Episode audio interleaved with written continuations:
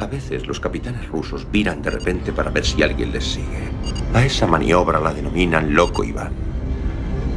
Lo único que puedes hacer es parar en seco tu nave y esperar los acontecimientos.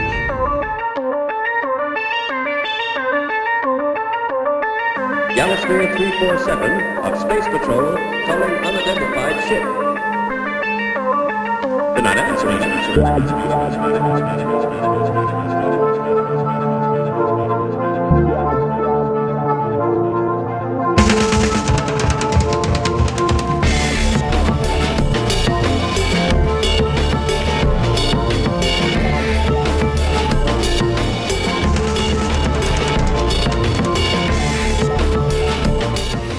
moi boa noite a todos e a todas. Prepárense para pasar unha hora repleta de aventuras a bordo do submarino nucelar máis intrépido de toda a Unión Soviética. Oxe, ante todo e sobre todo queremos solidarizarnos con ese submarino amigo detido injustamente con soldados de fortuna que iban a bordo en Aldán cando seguramente o único que iban a levar era Nadal, felicidade e moita neve para Vigo.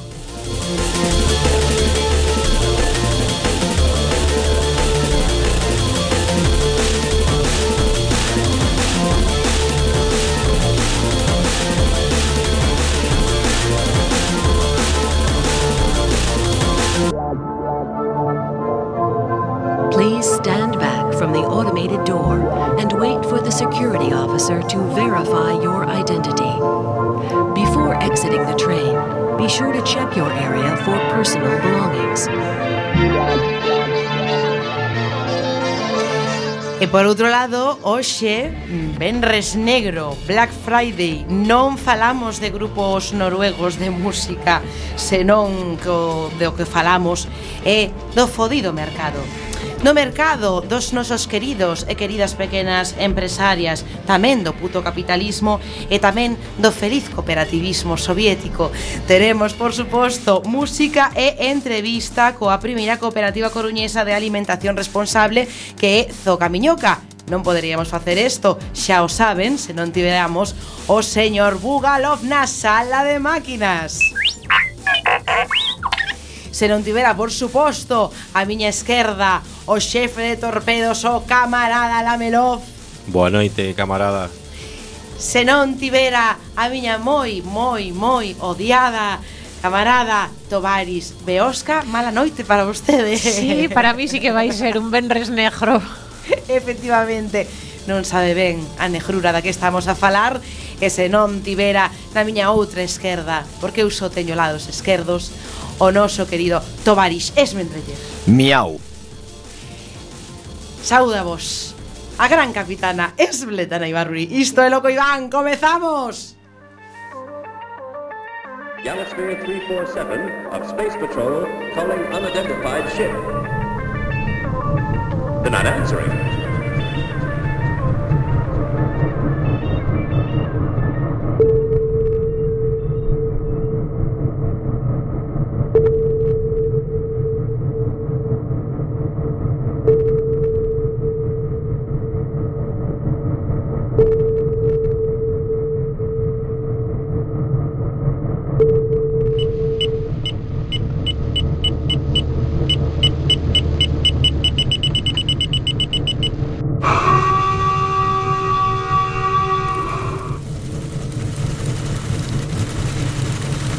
Bueno, pois antes de nada, temos que facer un repaso a esas direccións, eses números de teléfono aos que nos poden chamarse se queren poñer en contacto con nós, sobre todo pois se por exemplo están en contra de que as Mendeleev non lle gusten os gatos. Pois por que non chamar eh, e poñela a parir porque eso é o que ele está esperando. Cuente. Así que, por favor, eso entre Jeff, eh, díganos os números os que a xente pode chamar para chamarlle malparío eh, ou todo o que lle, ou, todo o que lle apeteza. E se o quere facer en directo, a onde terían que chamar? Moi ben, eh, se queredes chamar en directo para porme podre por defender a biodiversidade faunística avícola dos gatos depredadores, tedes que utilizar o teléfono 881012232. Outra volta, 881012232 se pola con... Sí, non, non, te iba a decir, se a xente quere facelo eh, simplemente coa escrita por Telegram ou por WhatsApp. Pois entón, se queredes facelo por escrita para que vos poda denunciar máis comodamente, entón podedes facelo por Telegram ou por WhatsApp o 644-737-303 644-737-303 express. E señor Lamelov, se o que quixeramos é insultalo eh, vía Twitter, que eso pois normalmente a non ser que te metas con Carrero Blanco non pasa nada, eh, que teríamos que facer? Pois arroba loco Iván Cuac, eh, tamén se queredes no Facebook, pois o mesmo arroba loco Iván Cuac, e xa aparecemos aí a opción. Tem, temos unha opción susto para insultar a, a camaradas Mendellez. Un botón ali. Estou me vindo aquí, va. Efectivamente.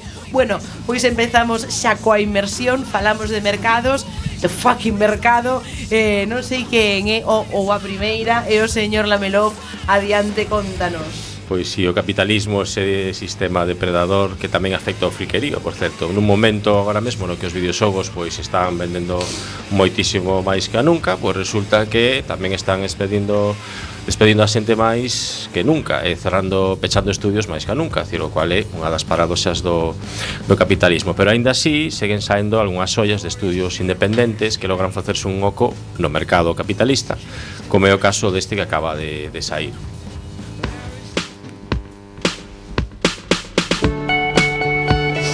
Pois trátase de Disco Elysium con esta canción espantosa, pero que é un videoxogo de rol que para o ordenador que pois, pues, de estilo clásico, isométrico e que está desenvolvido por un estudio estonio eh, que se chama Faun e deseñado polo escritor Robert Kulbrich que non creo nin que coñeza que o Volve a dicir eso de estudio estonio. Estudio estonio. Estudio, estudio estonio, estonio, era como programa de deporte. gaunas. era o programa de deporte que facía que facían nos 80 pois pues, agora é tamén un estudio de videoxogos vale de, de Estonia, da, da mesma Estonia do, dunha república soviética. Ai, Estonia. Pois ten un deseño artístico moi peculiar e que agocha unha historia e un xeito de xogar nada convencional. Fai unha especie de parodia dos videoxogos de rol clásicos onde hai que tirar un dado para tomar calquera decisión. Bueno, pois queres ver un cadro, pois tiras un dado virtualmente no ordenata. Queres mellorar da resaca, pois tamén hai que tirar un dado. Queres quitar a gravata do ventilador no que quedou tirada despois dunha noite de, pois eso, de, de alcohol, de delirio lisérxico, pois tamén e o xogo te tirará uns dados para ver se atinas ou non. Queres ver a gala de Estonia que fermosa eres? Eh, Eso creo que sempre falla, dá un crítico, un fallo crítico. Bueno, o caso que Disco Elysium non ten reparos en adoptar unha postura ideolóxica sobre o tema de hoxe, sobre o capitalismo. De feito, deleítase na creación de situacións onde explica pois, como estruturas como o capitalismo ou a teoría da raza afectan o noso pensamento e as nosas relacións con outras persoas, e, pero que en última instancia non importa porque o mundo que representa o videoxogo está tan fodido que todo da igual. Está fodido precisamente polo capitalismo, claro.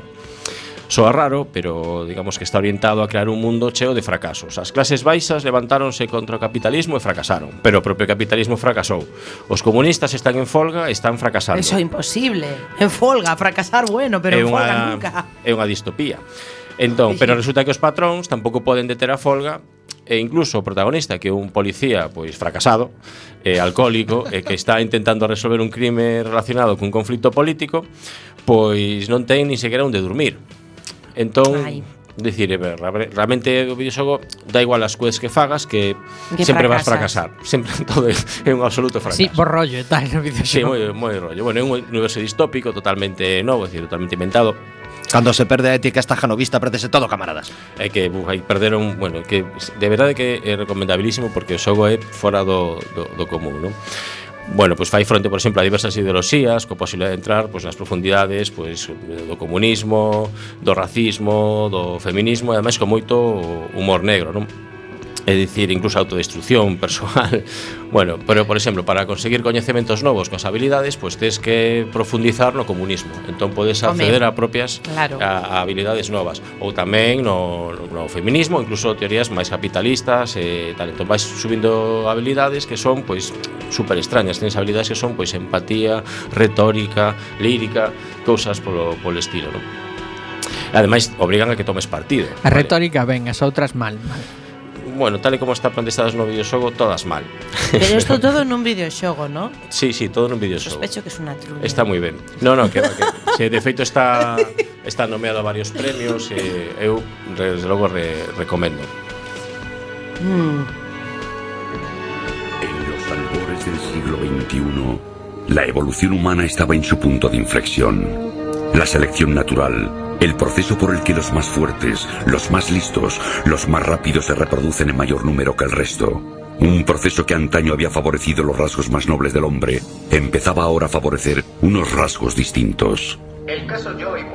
Las obras de ciencia ficción de la época pronosticaban un futuro que sería más civilizado y más inteligente. Pero a medida que pasaba el tiempo, las cosas parecían avanzar en la dirección opuesta, hacia un atontamiento. ¿Cómo era posible? La evolución no siempre premia a la inteligencia. Al no haber depredadores naturales que diezmaran al rebaño, la evolución empezó a premiar a aquellos que más se reproducían y convirtió a los inteligentes en una especie en peligro de extinción.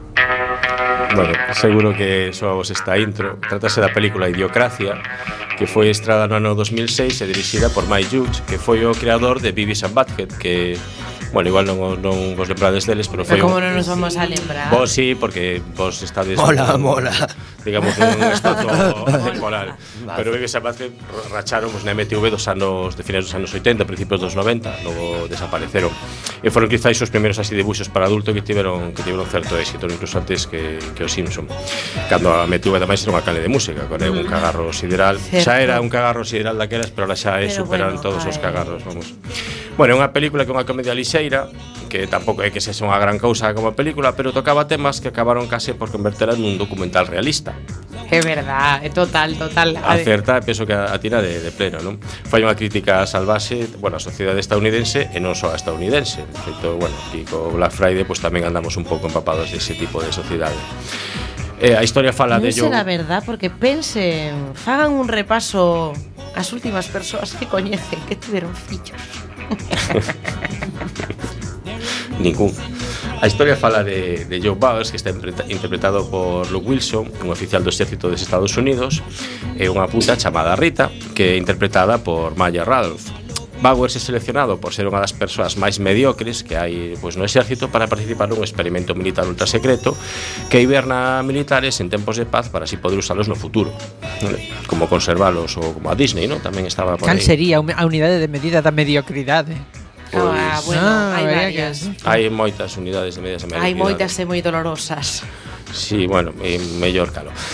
Bueno, antes de que tos corres un ano, pois a base hubo un problema, a base militar clausurada, o seu xefe científico posto en arresto debido a un escándalo por proselitismo e o experimento é esquecido por completo. A base militar é demolida e ambos os protagonistas son desconselados de maneira accidental uns 500 anos despois, o ano 2505, nun mundo distópico no que a selección natural xa non favorece aos seres máis inteligentes debido a que se reproducen máis aqueles de pouca sabiduría. E isto deu lugar a unha humanidade idiota, ignorante e atrasada, de modo que con Joe, que Joe convertese no home máis inteligente do planeta, é dicir, o máis mediocre do século bueno, actual, pois convertese no máis mediocre. A ver, a película Xa digo un pouco pechés, pero din que eh, a sociedade estúpida, estúpida que representa pois é unha representación bastante mordaz e real da sociedade estadounidense actual e que incluso quedou curta na súa crítica tendo en conta quen está gobernando agora, pois a vos podedes facer o que vea, non? Tamén din que unha sociedade así é a que sustenta o capitalismo, algo que pode facer reflexionar un pouco sobre o que somos eh, precisamente nun día como hoxe, o Black Friday, unha merda consumista importada de Estados Unidos e que nos colaron case sen decatarnos, provocando unha histeria pues, consumista de xente que merca cousas que non precisa realmente. E gasta cartos ali, en fin, que igual ni sequera ten. O máis curioso da película que foi premonitoria do que acontece agora, algo así como Simpson, que predixeron todos, xa sabedes. é hai unha revista chamada Crave que publicou no 2013 pois 10, pre 10 premonicións cumpridas que se queredes facemos así un repasiño de algunhas delas, non?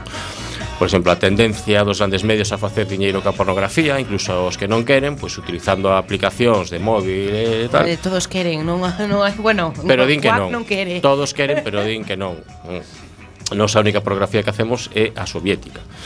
Logo, sí. a publicidade do público a de internet Dicir que calquera sitio e comece a tecnoloxía Propaganda exagerada eh, e non desexada Incluso, pois pues, eso, as fake news e todo isto tan exageradas Pois pues, tamén na película fala diso Logo, bueno, din eh, a obesidade, non? A tendencia da sociedade estadounidense cara a obesidade Ves empuxada nos tamaños mínimos dos alimentos Das cadeas de comida rápida e tal Efectivamente, e, bueno, e logo mirade Mi vida con 300 kilos ese, o, bueno, ese gran programa. O propio que tamén fai a película de Wally, -E, que tamén fala desa sociedade sí, así, ao xusto, final, xusto, guai. xusto, con sillas de cadeira de rodas. Sí, que fan todos bueno. en levantarse. Logo fala tamén a película de avalanchas, avalanchas de lixo, tamén como como Wally, -E, non? Eh, a realidade, por exemplo, temos o caso de Guatemala en 2008, que hubo unha riada de merda que matou aí a creo que 20 persoas, e aquí mesmo tivemos un caso no que tamén Bueno, aquí tivemos un caso no que morreu unha persoa. Morreu unha persoa que nunca apareceu, por certo. Logo tamén fala de, da decadencia da linguaxe humana, eh, do apagado remoto de vehículos, decir, de como pois xente indesesable como a policía pois pode eh, apagar o teu vehículo cando cando escapas, eso tamén xa na película, ou tamén pois xente un pouco máis decente como os hackers, non? E logo pois como os avanzados sistemas de GPS eh, fixo que a xente que aínda que non teña nin papa de entender un mapa, poideran chegar ao sitio simplemente guiados polo GPS, de que o GPS os levase por mil sitios diferentes, non? Pois máis ou menos algo algo como como pasa agora. E logo a popularización de espectáculos, pois baseados en xente dándose de lavazadas, pois entreles en pantalla e eso facendo pois como que é unha das películas de máis éxito é unha, unha película no que simplemente sai un, sai un cu tirándose pedos, que ven sendo máis ou menos como o programa este de Telecinco de bueno, o Gran eh... Marrano ou Gran Hermano, que é un programa bastante, xento. Bueno, en fin, que unha película que amosa unha realidade moito máis cercana do que, do que parece.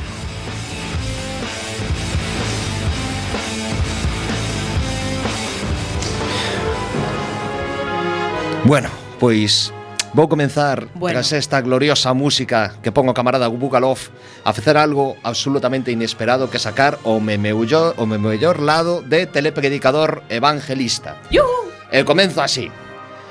Ai de ti, gran cidade de Babilonia, cidade forte, porque nunha hora veu o teu suizo e os mercaderes da terra choran, sí, choran, Dios mío, e fan lamentación sobre ela, porque ningún merca máis as súas mercaderías, nin de ouro, nin de prata, nin de pedras preciosas, nin de perlas, nin de liño, nin fino, nin de púrpura, nin de seda, nin de escarlata, nin de toda materia olorosa, de todo seto de marfil, de todo seto de madeira preciosa, de cobre, de ferro, de mármore, de canela, de especias, de incienso, de miga, de olíbano, de viño, de aceite, de flor, de fariña, de trigo, de vestas, de ovellas, de de cabalos e de carros e tamén de escravos e almas de homes. E diredes vos, Eh, que, que che deu, tío? Bueno, basicamente o tema do capitalismo ven moi, moi, moi, moi de bello, non? Concretamente, pois, pues, pero moito. Mo, moito de Dios Nuestro Señor, desde antes Mo, de los sí, faraones, unha é verdad. unha cousa loca, non? Esta cita de Apocalipsis 18 de San Juan, pois o bo de San Juan, realmente. Pensei que ia ser de Apocalipsis Now. Podería ter sido tamén. De feito, se fora Apocalipsis Now tería mellor banda sonora incluso, pero bueno, neste caso conformarémonos, non? Realmente estaba falando do que era naquela época o Imperio Romano E o Imperio Romano quería agora falar del por qué? Porque foron os primeiros que deixaron censada unha guerra económica e comercial para destruir un enemigo. Antes de que Roma entrase en escena, convertíndose nun imperio mundial, pois había unha illa, a illa de Roda, sabedes? O da olvidable película do Coloso, que era todo cartón piedra que caía por aí e, e tal, non? E bueno, pois eran a forza dominante no Mediterráneo Oriental, os rodanos, o seu porto principal era o maior mercado da agresión, e gracias tanto aos seus barcos como ao seu armamento naval, que era moi eficaz, pois pues conseguía manter las aguas razoablemente limpas de piratas, de, de, piratas que non eran seus, non? Eles tiña piratas seus que secuestraron a Xulio César e logo Xulio César mandoulle subir ao rescate e logo colgounos. Eso xa é outra historia, non? E dominaba a illa unha cidade amurallada que tamén se chamaba Rodas, construída alrededor do 410, que tiña de todo, cinco fondeadeiros, rúas pavimentadas, parques, templos, gimnasios, eh, de, de todo, non? Unha acrópolis tremenda e tal. E o papel de Rodas na xestión do comercio marítimo fixo surdir o Código Jurídico Mercantil, Xurídico Mercantil que desenvolveu no que temos agora, non? Coñecíase como Dereito Marítimo de Rodas, fundado xa 800 antes de Cristo, E nada, pois que inventaron unhas cantas cousas os godienses que logo pois eh, as copiaron os, os romanos, non? Pero sen palizas do Lloyds Bank, non? Exactamente. E é curioso que era unha zona que era culturalmente moi atractiva para os romanos. Era algo así, sabes, os príncipes sauditas que mandan a peña a estudiar a Londres? Pois algo parecido. Os romanos pois mandaban os seus fillos a estudiar a, a Rodas. A estudiar a Rodas. Efectivamente. Claro.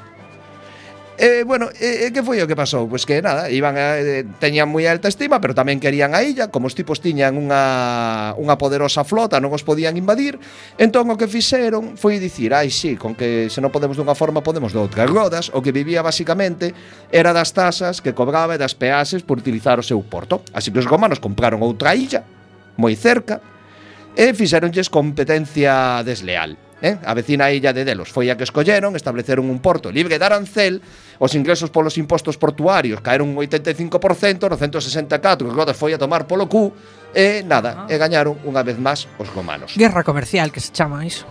Sí. Black eh, eh, Friday. Eh, moi bella, Black Friday.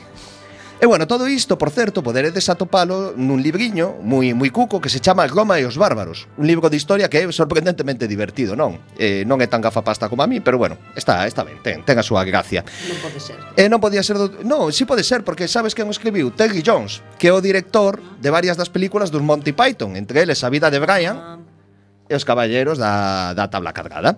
É un libro pois que está moi ben. De feito, definiuse desde a Universidade de Oxford como un libro que establece o equilibrio e sitúa os romanos nunha perspectiva correcta e adecuada, non? Que basicamente a perspectiva duns capitalistas opresores e fillos de puta. Así que non andaba tan errado o bo de San Juan.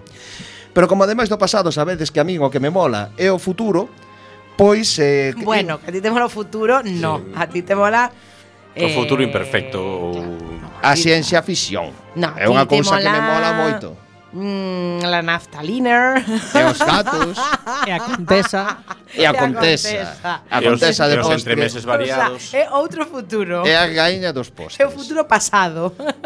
Entón iba podería mencionar unha serie de obras que falan de economía de ciencia ficción moi interesantes non? Desde Estrela Vermella que é unha utopía comunista de Alexander Bozganov que está moi ben moi recomendable escrita antes bastante premonitoria escrita a, antes da revolución un relato, comunista. un relato dese. Sí eh, porque está eh, é moi atractiva de, de feito moi ben.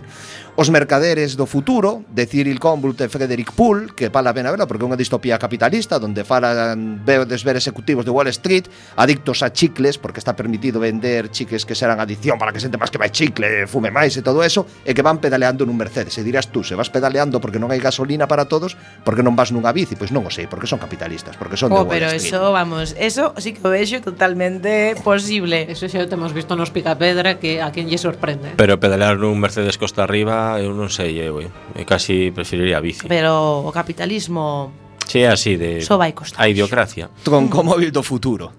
Pero, sen embargo, hoxe quería falar de outra cosa. Esto ven, esta banda sonora que diredes tanto gato falando primeiro de comanos, logo de outros libros, por que nos pos a claro. banda sonora de Star Trek? Pois porque fai un par de anos a Peter Thiel, que é un empresario estadounidense máis liberal que San Dios, de uns 51 anos, que terá asesor de no Donald Trump, por se fora pouco, libertarian destos chungos americanos, Eh, pois nada, eh, preguntaronlle a este tío que tamén foi o fundador de PayPal no New Yorker eh, no 2017 se era de Star Trek ou de Star Wars e o tipo respondeu e quedou descansado que, que non, que non podía ser de Star Trek porque Star Trek é comunista e que evidentemente Star Wars é capitalista e que polo tanto ele era de Star Wars e non de Star Trek se Pois ten razón o tipo. Declarado fanático.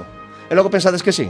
Ten razón en dicir que Star Trek é comunista porque comunista eh, alterbundista. Mm. Eh, es solidario. Es solidario. Pois, é revolucionario. O mellor, o mellor hai máis xente que o pense efectivamente como como dis capitana, porque fora de que podamos pensar que este tipo de débado, pois o caso é que o capitán James Kirk e a súa tripulación cando viaxaron no tempo a 1986 en Star Trek 4 Misión Salva a Terra, Oy, a súa chegada, que boísima esa peli, encántame, o primeiro que que se queixan é de que a xente inda usa cartos. Ademais mirábano como algo surso, non? De ah, que que isto que usa esta xente aquí. Na peli de Primeiro Contacto, así como na serie de A Próxima Xeración, o capitán Picard di que non se século XXI o sistema económico é moi diferente ao século que eles eh, aos séculos anteriores, non? É outra cousa que se comenta. En moitos episodios da serie orixinal, pois fan referencia aos famosos créditos da da Federación Planetaria, enténdese que a sociedade pasou dun enfoque centrado en acumulación de riqueza a un de maior desenvolvemento desenvolvemento persoal e social. Pero que sabedes que sobre isto hai mesmo un libro que se chama As economías de Star Trek, escrito por Jane Roddenberry, que no, perdón, Jean Roddenberry foi é o que imaginou o mundo de Star Trek, aquí trabuqueime. Vaya. ¿Cómo se siente? Vaya eh? fallo. Pois sinto un pouco gilipollas, porque agora estou tratando estou tratando de buscar o nome o nome do fulano que escribiu o libro este. eh, non se preocupe porque eh, os ouvintes xa saben que todo o leva apuntado. Home, por suposto que sí. Eh... Pero o problema que, é que me parece que non o levo apuntado. O problema bueno. é ese. En lugar de apuntar o nome deste economista americano que escribiu o libro sobre a economía de Star Trek, Pois non apuntei.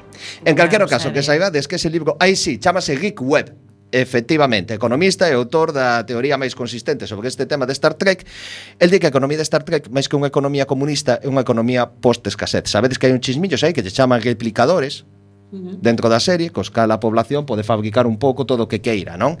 Entón, pois sí, claro, sí. a economía de Star Trek podería denominarse así, post-escasez, porque a xente pois pode fabricar comida, pode fabricar bebida, pode fabricar objetos de lujo, pode fabricar o que queira, e traballar é opcional. O fin da sociedade non é acumular riquezas, senón experiencias, enténdese que o traballo é para realizarse, que non é necesario para vivir. E logo, son comunistas ou non son comunistas? Home, anarquistas non son, xa que hai unha xerarquía clara, non? Eu nunca escoitei de anarquistas que tiveran capitais, e almirantes, e flotas, e todas estas cousas, inda que podería ser. Son comunistas. O miolo está que hai algunha propiedade privada, non? Por exemplo, Picar si que ten uns viñedos, Eh, tamén se menciona un bar de, que o ten Quark en Star Trek Espacio Profundo 9. En calquera caso que ten pinta isto ser como mínimo pois unha sociedade moi, moi, moi socialista. Igual non tan avanzados como no submarino, pero ainda teñen tempo. Ai, e temos, por certo, falando desas, eh, deses membros do submarino que normalmente por un afán e un querer polo traballo eh, non están aquí porque están eh, traballando esclavamente non nos referimos a Beosca, senón que vai comezar a traballar desta forma. Estou castigada. Eh, eh sí, eh, senón que nos referimos a esta Janov. O temos fora limpando o submarino, pero creo que nos deixou unha mensaxe. Boa noite, tripulación.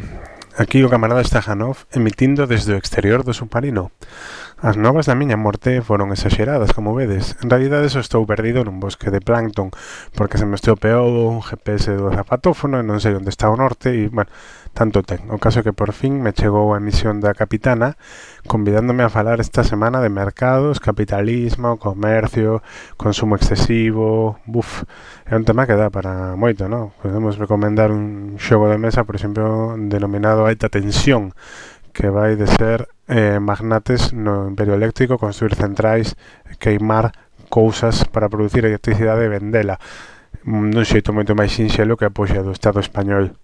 Pero en realidade, postos a falar de capitalismo, gustaríame compartir con vos eh, unha destas historias que saen a veces nas mesas dos xogos de rol eh, na narrativa emerxente de cando un grupo de persoas se xuntan a imaginar e que é a paradoxa do grupo de aventureiros, ¿no? porque hai partes das historias típicas de fantasía que nunca nos plantexamos a non ser que xoguemos a rol, porque mm, somos un grupo de aventureiros e aventureiras, chegamos a unha vila asediada polos orcos para rescatala, entón mm, empezamos a comprar, soltar cartos, moedas de ouro, eh, compramos antorchas, compramos corda, compramos armas, flechas, pergaminos máxicos.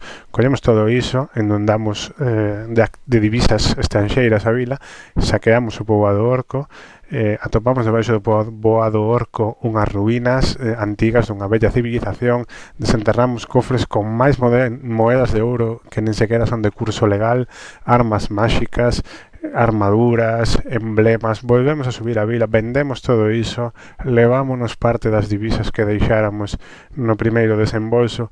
E que ocorre cando marcha o grupo de aventureiras? Buf, inflación terrible. Volven dentro duns meses e se dan conta de que as co o zanco de polo nesa vila xa está a 10.000 pezas de ouro, que os soidos están arrastrados, o, o alcaide non deu para subir o salario mínimo, e que crearon unha crise moito peor da que da que pretendían resolver cos orcos. Así que este é un mensaxe de rodeiro experimentado, tede sempre coidado coas vosas accións, especialmente cando se trata de capitalismo. Bueno.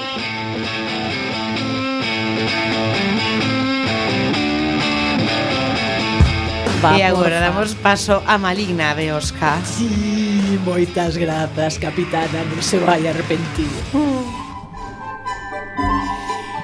Imos empezar falando dos cartos do mundo máxico de Harry Potter. O escoitamos con esta peza maravillosa de John Williams, da banda sonora da película, Eh, no mundo máxico de Harry Potter, inda que eh, eles están en Inglaterra, en Reino Unido, pois xa sabedes que teñen pois un mundo máxico paralelo, inda que están ali pois teñen a, a súa propia moeda, a súa propia economía e todo. Entón, as moedas que hai no mundo máxico son o galeón de ouro, o síquel de prata e o nut de bronce. Un galeón son 17 síquels, eh, e ao mesmo tempo 29 nuts, ou sexa, que un galeón son 439 nuts. Bueno, hai que pensar que son ingleses, así que xa en sí mesmo, por moito que sexa mundo máxico, os ingleses xa sabemos que o tema de pesos e medidas como a que van por libre.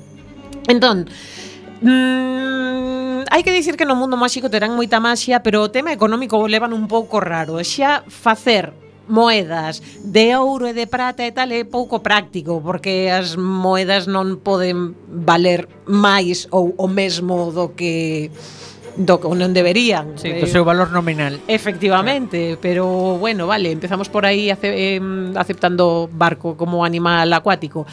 Eh, logo continuamos con que en libros de J.K. Rowling como Animais Fantásticos e como Atopalos ou Kidditch a través dos tempos, grande libro de deportes, din que 250 millóns de dólares equivalen a 34 millóns de galeóns. Así que a partir de aí podemos empezar a facer claro, contas. Hai que despechar a X. Un galeón son 6,67 euros. Entón, a partir de aí, lendo o libro, descontrumiñase todo un pouco. Veredes, Un síquel, entón, ven sendo un céntimo e medio de euro. Hmm. Resulta que o xornal O Profeta custa un síquel, ou sexa, un céntimo e medio. É gratis, é como internet, bueno, vamos. Vou Prácticamente. Dicir, é hai que deberían costar algúns xornais. Hai que dicir que van bastante por aí, porque o Profeta é un ah. xornal pois bastante mm, bueno, tabloide. Así como, sí, bastante tabloide, bastante moi tabloide, así que realmente non habería que pagar máis por el. Unha cervexa de manteiga ou unha taza de chocolate son dous síquels, ou sexa, tres céntimos de euro. Non bueno, hai fame, ben. economía posta escasez tamén. A ver, con a cervexa de manteiga, ay, ay. non sei. A ver, Cousas cervexa de manteiga, ollo. Ollo, mm. ollo, mi vida con 300 kilos. Entón, o sea, home. cuidado. É que non teñen replicadores, pero teñen variñas máxicas, que son mellores. Será caray. por eso. Imos falar agora mesmo de variñas. Precisamente, mira, a variña de Harry, que ten eh, no seu núcleo un pelo de unicornio, mm. custa sete galeóns en Olivanders, ademais, que estamos falando non dunha tenda calquera. Isto quere dicir que a súa variña costa 46,7 euros, case.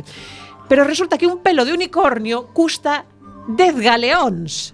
Así que xa me diredes onde está a ganancia aí. Está o sea, a, a varita custa 7 incluindo o pelo de unicornio, e o pelo de unicornio custa 10 galeóns. Será de segunda que... man o pelo dun unicornio. O igual é un unicornio chino. pelo de unicornio. O igual é pelo un unicornio gato. chino, eso pode sí, ser un pelo de gato, por eso te No, pero pode ser como como a leite.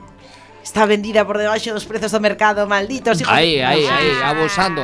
Outra cousa curiosa. Os coidadores de unicornios. Outra cousa curiosa é que a variña máxica de Harry Potter costa, custa eso, casi 47 euros, e unha variña que nos podemos comprar de réplica da película absolutamente magel custa 30 euros, ou sexa, que realmente por pouco máis poderíamos conseguir unha varita máxica que funcione, como de verdade, claro. Exactamente. Veos, quero pois facer unha pregunta, quero facer unha pregunta mm, compraches de verdade unha variña? Eu non comprei a variña de Harry Potter, polo amor de Deus. Alguén te regalou no. variña de Harry Potter? Bueno, a Dermión, vale, sí. Eh, alguén que está que vive neste submarino? Eh, non exactamente no submarino, no, no, que va, no. Mm. mm. Continuamos. Mm, temos o tema de que as variñas máxicas veñen custando pois iso, cerca de 50 euros que coño, que é unha variña máxica, pero logo resulta que unha escoba, que vale que é unha escoba voadora, estamos falando nin máis nin menos que dunha no, Nimbus 2000, pero son 450 galeóns, que son 3.000 euros. Variña máxica, 7 galeóns, escoba, eh, 450 galeóns. Pero pode ser polo mm, carril bici coa escoba, claro. ten unha vantaxe, coa varita non. Sabe máis ou menos o precio dunha Gunner? Claro, exactamente. Ben, sendo si sí, o ciclomotor, dalle. Sí, sí, pero bueno, como que eu non acabo de ver moita lógica entre os precios. Bueno, é un mundo máxico, claro, vai por libre.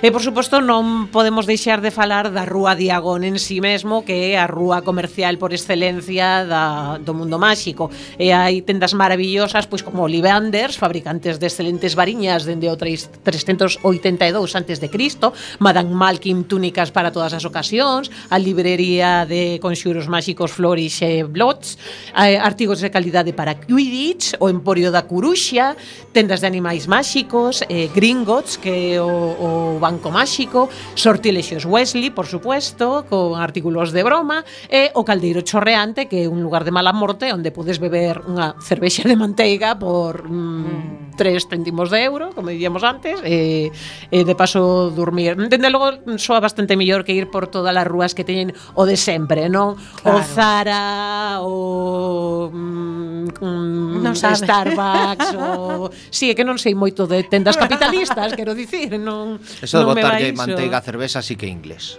A que sí. Moita gordura de Dios. Ai, la gordura. E por outra banda, imos falar de Xerezade, que diredes e que carallo ten que ver Xerezade co tema económico. Bueno, por unha banda poderíamos, eh? Que sí, sí, é unha, é unha pregunta que xorde, pero Por unha banda poderíamos pensar que un dos contos que contaba Xerezade é dun dos mercaderes que máis coñecemos do mundo fantástico que é Simbad o Mariño. Ah, pensei que te referías a Tojeiro. eh, chego un pouco tarde para Xerezade, pero seguro que o tería incluído. Eh, o curioso é que pensade como é a historia de Xerezade. Veredes, o rei Xaria descobre que a súa muller é infiel, a decapita coa súa propia man, e xa posto pois, pois decapita a todas as mulleres da corte. No. Non é violencia de xénero, non, non, non, no, no, que Un pouco va. sí, eh? No, no, Vox te diría que fixo que non, non sei, a Ortega Smith vai que no, no, bueno, a ver, pois se llaman esas a calquera se lle pode ir a... Esas señoras eran unas violadoras. Oh, xa ves. E aparte moita denuncia Asesinas. falsa que denuncian aí os sultáns en... Xa ves verdad, efectivamente. Sí, fueron denuncias falsas que decapitaron. Mira, decapitáronme, pero era mentira. Pois pues aquí amañao, todas mortas. Pues e o que fai... la historia, xere sabe. Tamén que pronto, eh, que pronto. Bueno. Entón o que fai é ordenar ao visir que lle consiga unha esposa cada día para matala na mañá, porque total, como todas ian poñerlle os cornos, pois así evita que, que ningunha muller máis volte ser infiel. O que pasa que entón ten que dedicarse ao anonismo, o sultán duramente. No, porque o que tene unha muller nova cada noite. Claro. Pero non as matará todas. A mañá. Ah, mañá. Ah, claro, está todo moi ben ah, pensado. Está, todo encaixa. Efectivamente. Entón o que fai Xerezade, que a filla do Visigre ofrecerse, por suposto, en contra dos desexos do seu pai, como esposa do sultán. E unha vez nas cámaras reais, ela o que fai é pedirlle eh, dar un último adeus a súa irmá, e cando chega a irmá, ela xa tiñan un plan previo, e a irmá eh, pídelle que lle conte un último conto.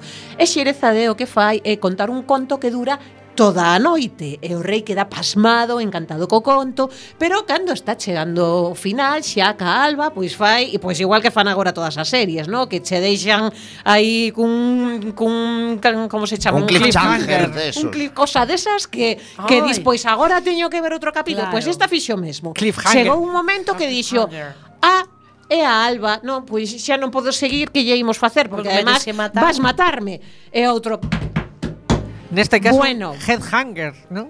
Pois pues ahora, no, cousa ahora así. mañana. Bueno, pois pois veña, im, imos darche outra noite e, e a noite pois rematas de contarme a claro. historia. Entón a outra pois claro. E te remato. Tal cual. Entón a segunda noite pois mes, mesma historia literalmente. Estivo contando unha historia toda a noite cando chegaba a Alba e así estivo a tía aguantando mil e unha noites. E claro, xa despois dese tempo, pois tiñan fillos, e tiñanse cariño, e mm, supoño que ela tampouco estaba a poñerlle os cornos ao outro, ou estaba facendo con moita discreción, e entón, pois, eh, o... Claro, que como unha belísima persoa o sultán. Claro, sí, bueno, claro, claro, claro, é moi boa persoa, ten moi bo corazón, e decide que non a vai matar, e, e viven felices Despois e todo de iso, suponse. Entón, mm, realmente... Pero isto aquí... un pouco como Barbazule, a bella e besta, non? Final feliz feliz. Sí, bueno, feliz. imos deixalo en que é o final que bueno, coñecemos final. e logo Deus sabe o que pasa, Lenin sabe sí, o que pasa, porque non non temos ni idea, pero a min desto o que o que me eh, chamaba eh, eh pero, a atención eh, pensando, está o mercado, pensando no tema de hoxe precisamente era que realmente Xerezade estaba comprando a súa vida a base de contos e pareceume algo moi bonito en realidade porque mm, sí que en realidade hai sitios Ajá. onde a xente consigue pagar pola súa vida con cartos, pero isto é como moi A ver, moi en realidad bonito, eu ¿no? creo que Muy... ti querías contar esta historia Non, non viña a conto de nada Pero sí. Ay, eh, compró su alma con cuentos Pero a ver, eso de, eso de contar as, de comprar as cousas con contos Fanos contacontos, fanos payasos Fanos escritores, fanos ministros O sea, hai moita xente Pero ao final que... hai cartos de por medio Aquí non hai cartos de por medio É eh, eh, tal cual contos por vida Eh, entón, mm. sobre todo era para facer entender que a economía non ten por que estar baseada somente no, nos nos cartos, tamén hai outras cousas. Podería ter falado do trueque, que en realidad era máis antigo, agora que o penso. Sí, pero... Pero bueno, así escoitamos o camarada Rimsky-Korsakov, que sempre mola. Ah, odiada de Oscar.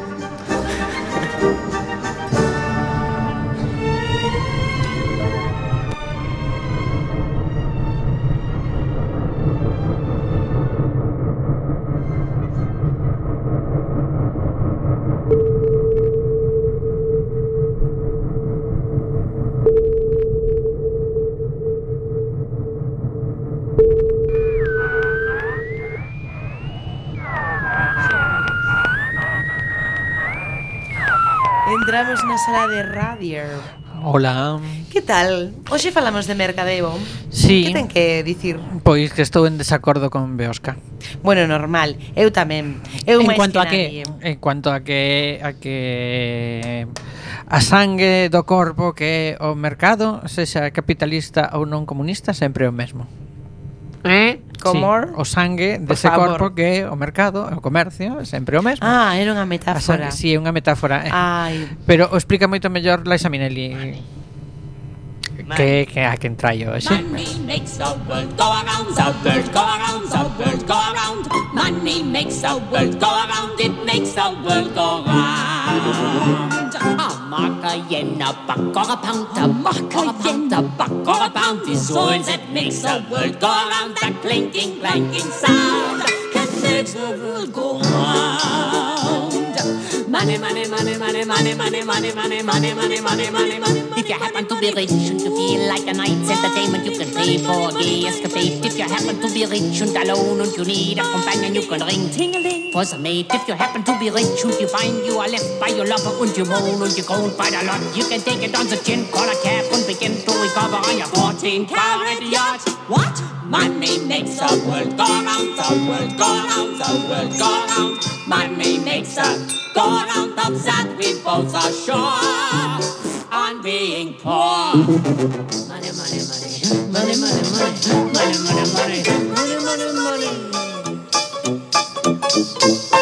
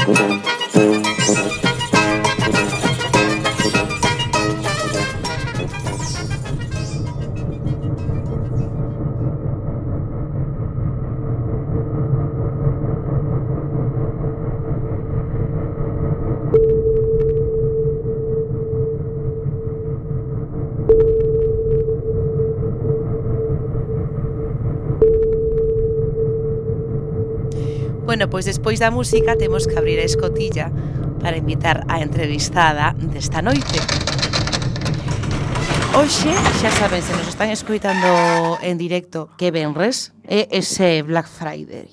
Entón, hoxe no submarino o que queríamos eh, era falar con alguén que pasara do Black Friday, alguén eh, que fixera, pois, por que non, íamos pedir a alguén dunha cooperativa de economía circular e eh, encontramos Zocamiñoca, que é pois unha das primeiras cooperativas de alimentación responsable, senón a primeira que houve en Coruña, que está de aniversario, cumple 10 anos e falamos pois cunha membro da cooperativa con Elena. Moi boa noite, Elena. Hola, que tal? Moi boa noite. Moitas grazas por convidarnos. Pois nada, algunha vez estivera nun submarino vostede? No submarino? Non, pois por agora non, non estive en ningún submarino, pero mira, unha opción que non descarto. No. Pois é que nos eh, viaxamos en submarino. Eh, Ajá. somos bastante soviéticos e por eso queríamos falar hoxe con vostede para que nos explique un pouco eh, como é eh, Zoca Miñoca, que cumpre 10 anos, é unha cooperativa alimentaria que está na Coruña e que de repente é unha forma mmm, que toda, o sea, Ustedes cumplen 10 anos, pero agora digamos que cando parece que está máis en boga ou máis se coñece todos los termos de economía circular, de este cooperativismo, de soberanía alimentaria, contenos un pouco como xorde hai 10 anos cando ninguén falaba case desto e zoca miñoca. Vale, pois hai 10 anos basicamente xuntanse un grupo dunhas 10 persoas serían, eu daquela ainda non estaba participando na cooperativa, e basicamente se xuntan porque querían eh, poder, querían organizarse para ofrecerlle á ciudadanía, sobre todo da contorna de Coruña, unha opción para mercar produtos a un prezo asequible, eh, que foran ecolóxicos, de proximidade, eh, que respectasen, digamos, mm, o medio ambiente na súa produción e tamén Mm, os salarios, digamos, as condicións de traballo das traballadoras, non? Que estaban producindo esos alimentos. E todo isto é eh, o que eles definiron como ecolóxico, non? Entón, o que dicía, sí, sí, agora estamos vendo como agroman, non? Eh, todas estas etiquetas de ecolóxico, orgánico, etc. Pero moitas veces eh, o agromar de todas estas etiquetas fai que a consumidora en realidade eh, teña un pouco de confusión, non? Porque mm, eh, esto que queremos explicar no noso aniversario, non? Que comeza mañá, que é moi distinto mercar un produto de proximidade, organizarte nunha cooperativa de consumo ou nun grupo de consumo, eh, como é Soca Miñoca, e como son moitas iniciativas que, bueno, que imos convidar ao noso aniversario, que comeza mañá, eh, que comprar nuns grandes almacéns, non algo que leva unha etiqueta de ecolóxico. Hai é certo que están agromando todas estas etiquetas e que está moi de moda, digamos, pero precisamente por iso é máis importante que nunca eh, que a consumidora se xa de mm, separar a palla, digamos, a diferenciar que é realmente ecolóxico, que, que parte das súas compras están realmente beneficiando eh, a nosa contorna e cales non. Porque, por exemplo, a mí me facía, eh, me gusta moito mirar cales son todos os produtos que podemos comprar en Zocamiñoga ou como os podemos comprar. Entón, eh, vale. facíame moita, moita, mm, bueno, moita gracia non, pero vamos, que curioso, eh, unha diferencia grande cos, cos, eh, cos grandes espacios comerciais que hai moito produción ou moito produto a granel, non? Exacto, sí, porque a idea é que eh, todo o produto que se eh, vendemos en esa camiñoca o, o que se intenta, digamos, é que eh, a produción de plásticos non e de envases se reduza a mínima. Entón, cal é a opción para vender e facer chegar a consumidora final, non? Estes produtos, pois o granel, non? Eh, eh, que permite isto? Permítenos co facer compras máis grandes, digamos, aproveitar as chamadas economías de escala e eh, ese Eh, é basicamente un principio que guía toda a actividade de Socamiñoca, non? Porque a idea non é que a cooperativa teña moitos beneficios, de feito somos en ánimo de lucro, a idea é facer chegar eh, a todo o mundo que se asocie a Socamiñoca, ese, bueno, por a fórmula que temos, somos unha cooperativa, para participar tes que asociar, tes que mm, formar parte, ser unha socia máis da, da cooperativa, ou sea, eres copropietaria da, co da cooperativa. Un Exacto, tens que facer un desembolso, do capital social que logo se che devolvería, exacto, que logo se che devolvería eh, no momento que marche esa persoa socia. Eh, Bueno, e eh, tamén a través, non só a través do aporte en cartos, non, pero eh, polo feito de que ti como copropietaria, como socia da cooperativa, poidas tomar decisión sobre que produtos se venden, que produtos non se venden. Cale, a, que definimos como ecolóxico, non? Ou como consciente, preferimos chamarlle consumo consciente ou consumo responsable, porque vai moito máis alo os produtos que nos temos, da definición que normalmente se fai de ecoloxía, non? Que moitas veces se reduce a que non se usen pesticidas, non? Na produción deses alimentos. Nós tamén temos en conta estas outras dimensións que falaba, non? Que as condicións de traballo das persoas que están e producindo os nosos alimentos ou os produtos que eh, poden ser pere, eh, non perecedoiros, non, que consumimos esta uh -huh. camiñoca, eh, sexan boas, non, ou que ou que se teñan en conta o medio ambiente, ou que esteamos favorecendo que a través das nosas compras que o rural non se despoboe, non? Entón, todas estas dimensións se teñen en conta esta camiñoca e eh, porque as socias así deciden, non? Entón, bueno, é un modelo de consumo moi particular e que eh, pensamos logo, que... moi novidoso, inda que xa le vende anos, segue novidoso. sendo novidoso. Eh, sí. Elena, outra, outra pregunta eh, que te quería facer. Eh, se fala moito, vamos falar tamén dos tópicos eh, que hai, eh, o que dicías, sobre esos alimentos eh, pois que se, de, que se denominan agora ecolóxicos ou non, hai tamén esa idea de que a produción ecolóxica, os produtos de, de proximidade, eh, son moito máis caros que os que podemos encontrar no lineal dun supermercado. Hmm. Eh, eh, eh É realmente certo, non? Que moitas veces é certo que mm, por como están organizados, bueno, en, en xeral o sistema alimentario, non? Que responde a eh, sistemas de produción de alimentación moi globalizados, hai veces que pasan cousas que son ridículas, non? Para calquera persoa mm, que se poña a pensar nisto, que traer un kilo mm, de laranxas de Almería custanos menos, digamos, porque están producindo elas máis, e xa teñen un sistema de transporte organizado, uh -huh eh, aproveitan economías de escala, eh, custanos menos traer esas laranxas de Almería que traelas de Carral, non? Eh, Entón, pode pasar moitas veces, non? Que, que sí, que sexa, ou sexa que a diferenza de precios, digamos, ou sexa que poda ser máis barato comprar ecolóxico de Almería que eh, comprar o que nós chamamos mm, ecolóxico de mm, Carral. Mm, mm, o que nós queremos axudar e contribuir a, bueno, a xerar este debate que realmente traer unhas laranxas de Almería non é ecolóxico, non? Porque estás eh, a pegada, digamos, de carbono que ten transportar ese kilo de laranxas a consumidora final de Coruña vai consumir A non ser que eh, se xa Greta a que, a que traia esas laranxas Claro, non, non hai excepcións, non? Exactamente, lo hai excepcións, pero pero normalmente funciona así. Entón, sí que se dan casos eh, do que pensamos que é eh, un funcionamento, digamos, moi espurio dos sistemas bueno, de alimentación que están moi globalizados, Eh, entón, pero nós, o modelo que defendemos é un modelo que aposta sobre todo pola proximidade, non? Eh, porque pequenas produtoras que están producindo verduras en ecolóxico, non necesariamente con selo, pero que están facendo sí. así, sen usar pesticidas, cuidando das condicións das persoas que traballan para elas, etcétera, eh, que nos cheguen, digamos, e que, e que sexan quen, non? A través dunha organización entre pequenos productores de abastecer a cidade, non?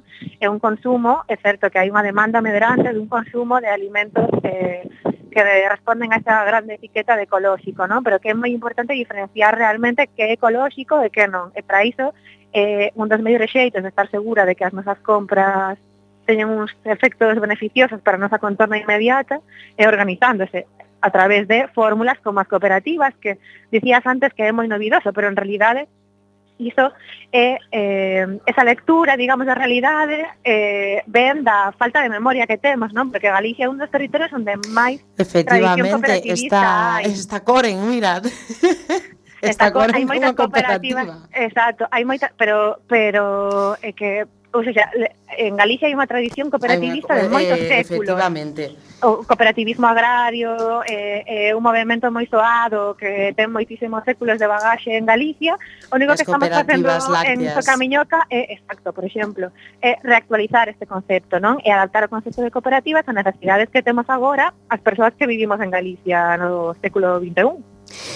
Oye, pois Elena, moitísimas gracias por estar aquí esta noite eh, invitamos a toda a xente que nos este escoitando en directo a que non, que nos esteis escoitando polo podcast, pois que se acheguen ata Azo Camiñoca na Coruña, na Rúa da Concordia pero se estades en directo mañá este fin de semana eh, pois eh, no centro cívico de, de Monte Alto, non? Onde tedes unha serie a partir das 11 da mañá onde empezarán pois unha serie de actividades e de, e de charlas. Bueno, eh. Elena, moitísimas gracias por traernos ata aquí a túa, a túa cooperativa eh, e moita sorte en Zocamiñoca e que nos sigades alimentando tamén.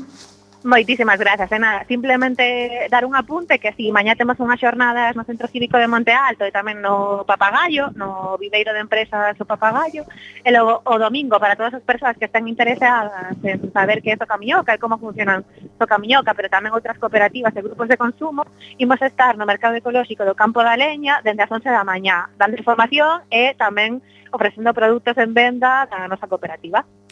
Bueno, pois aí nos vemos o domingo. Moitas gracias, Perfecto. Elena, Muy ata ben. logo. A ti, un placer, ata logo.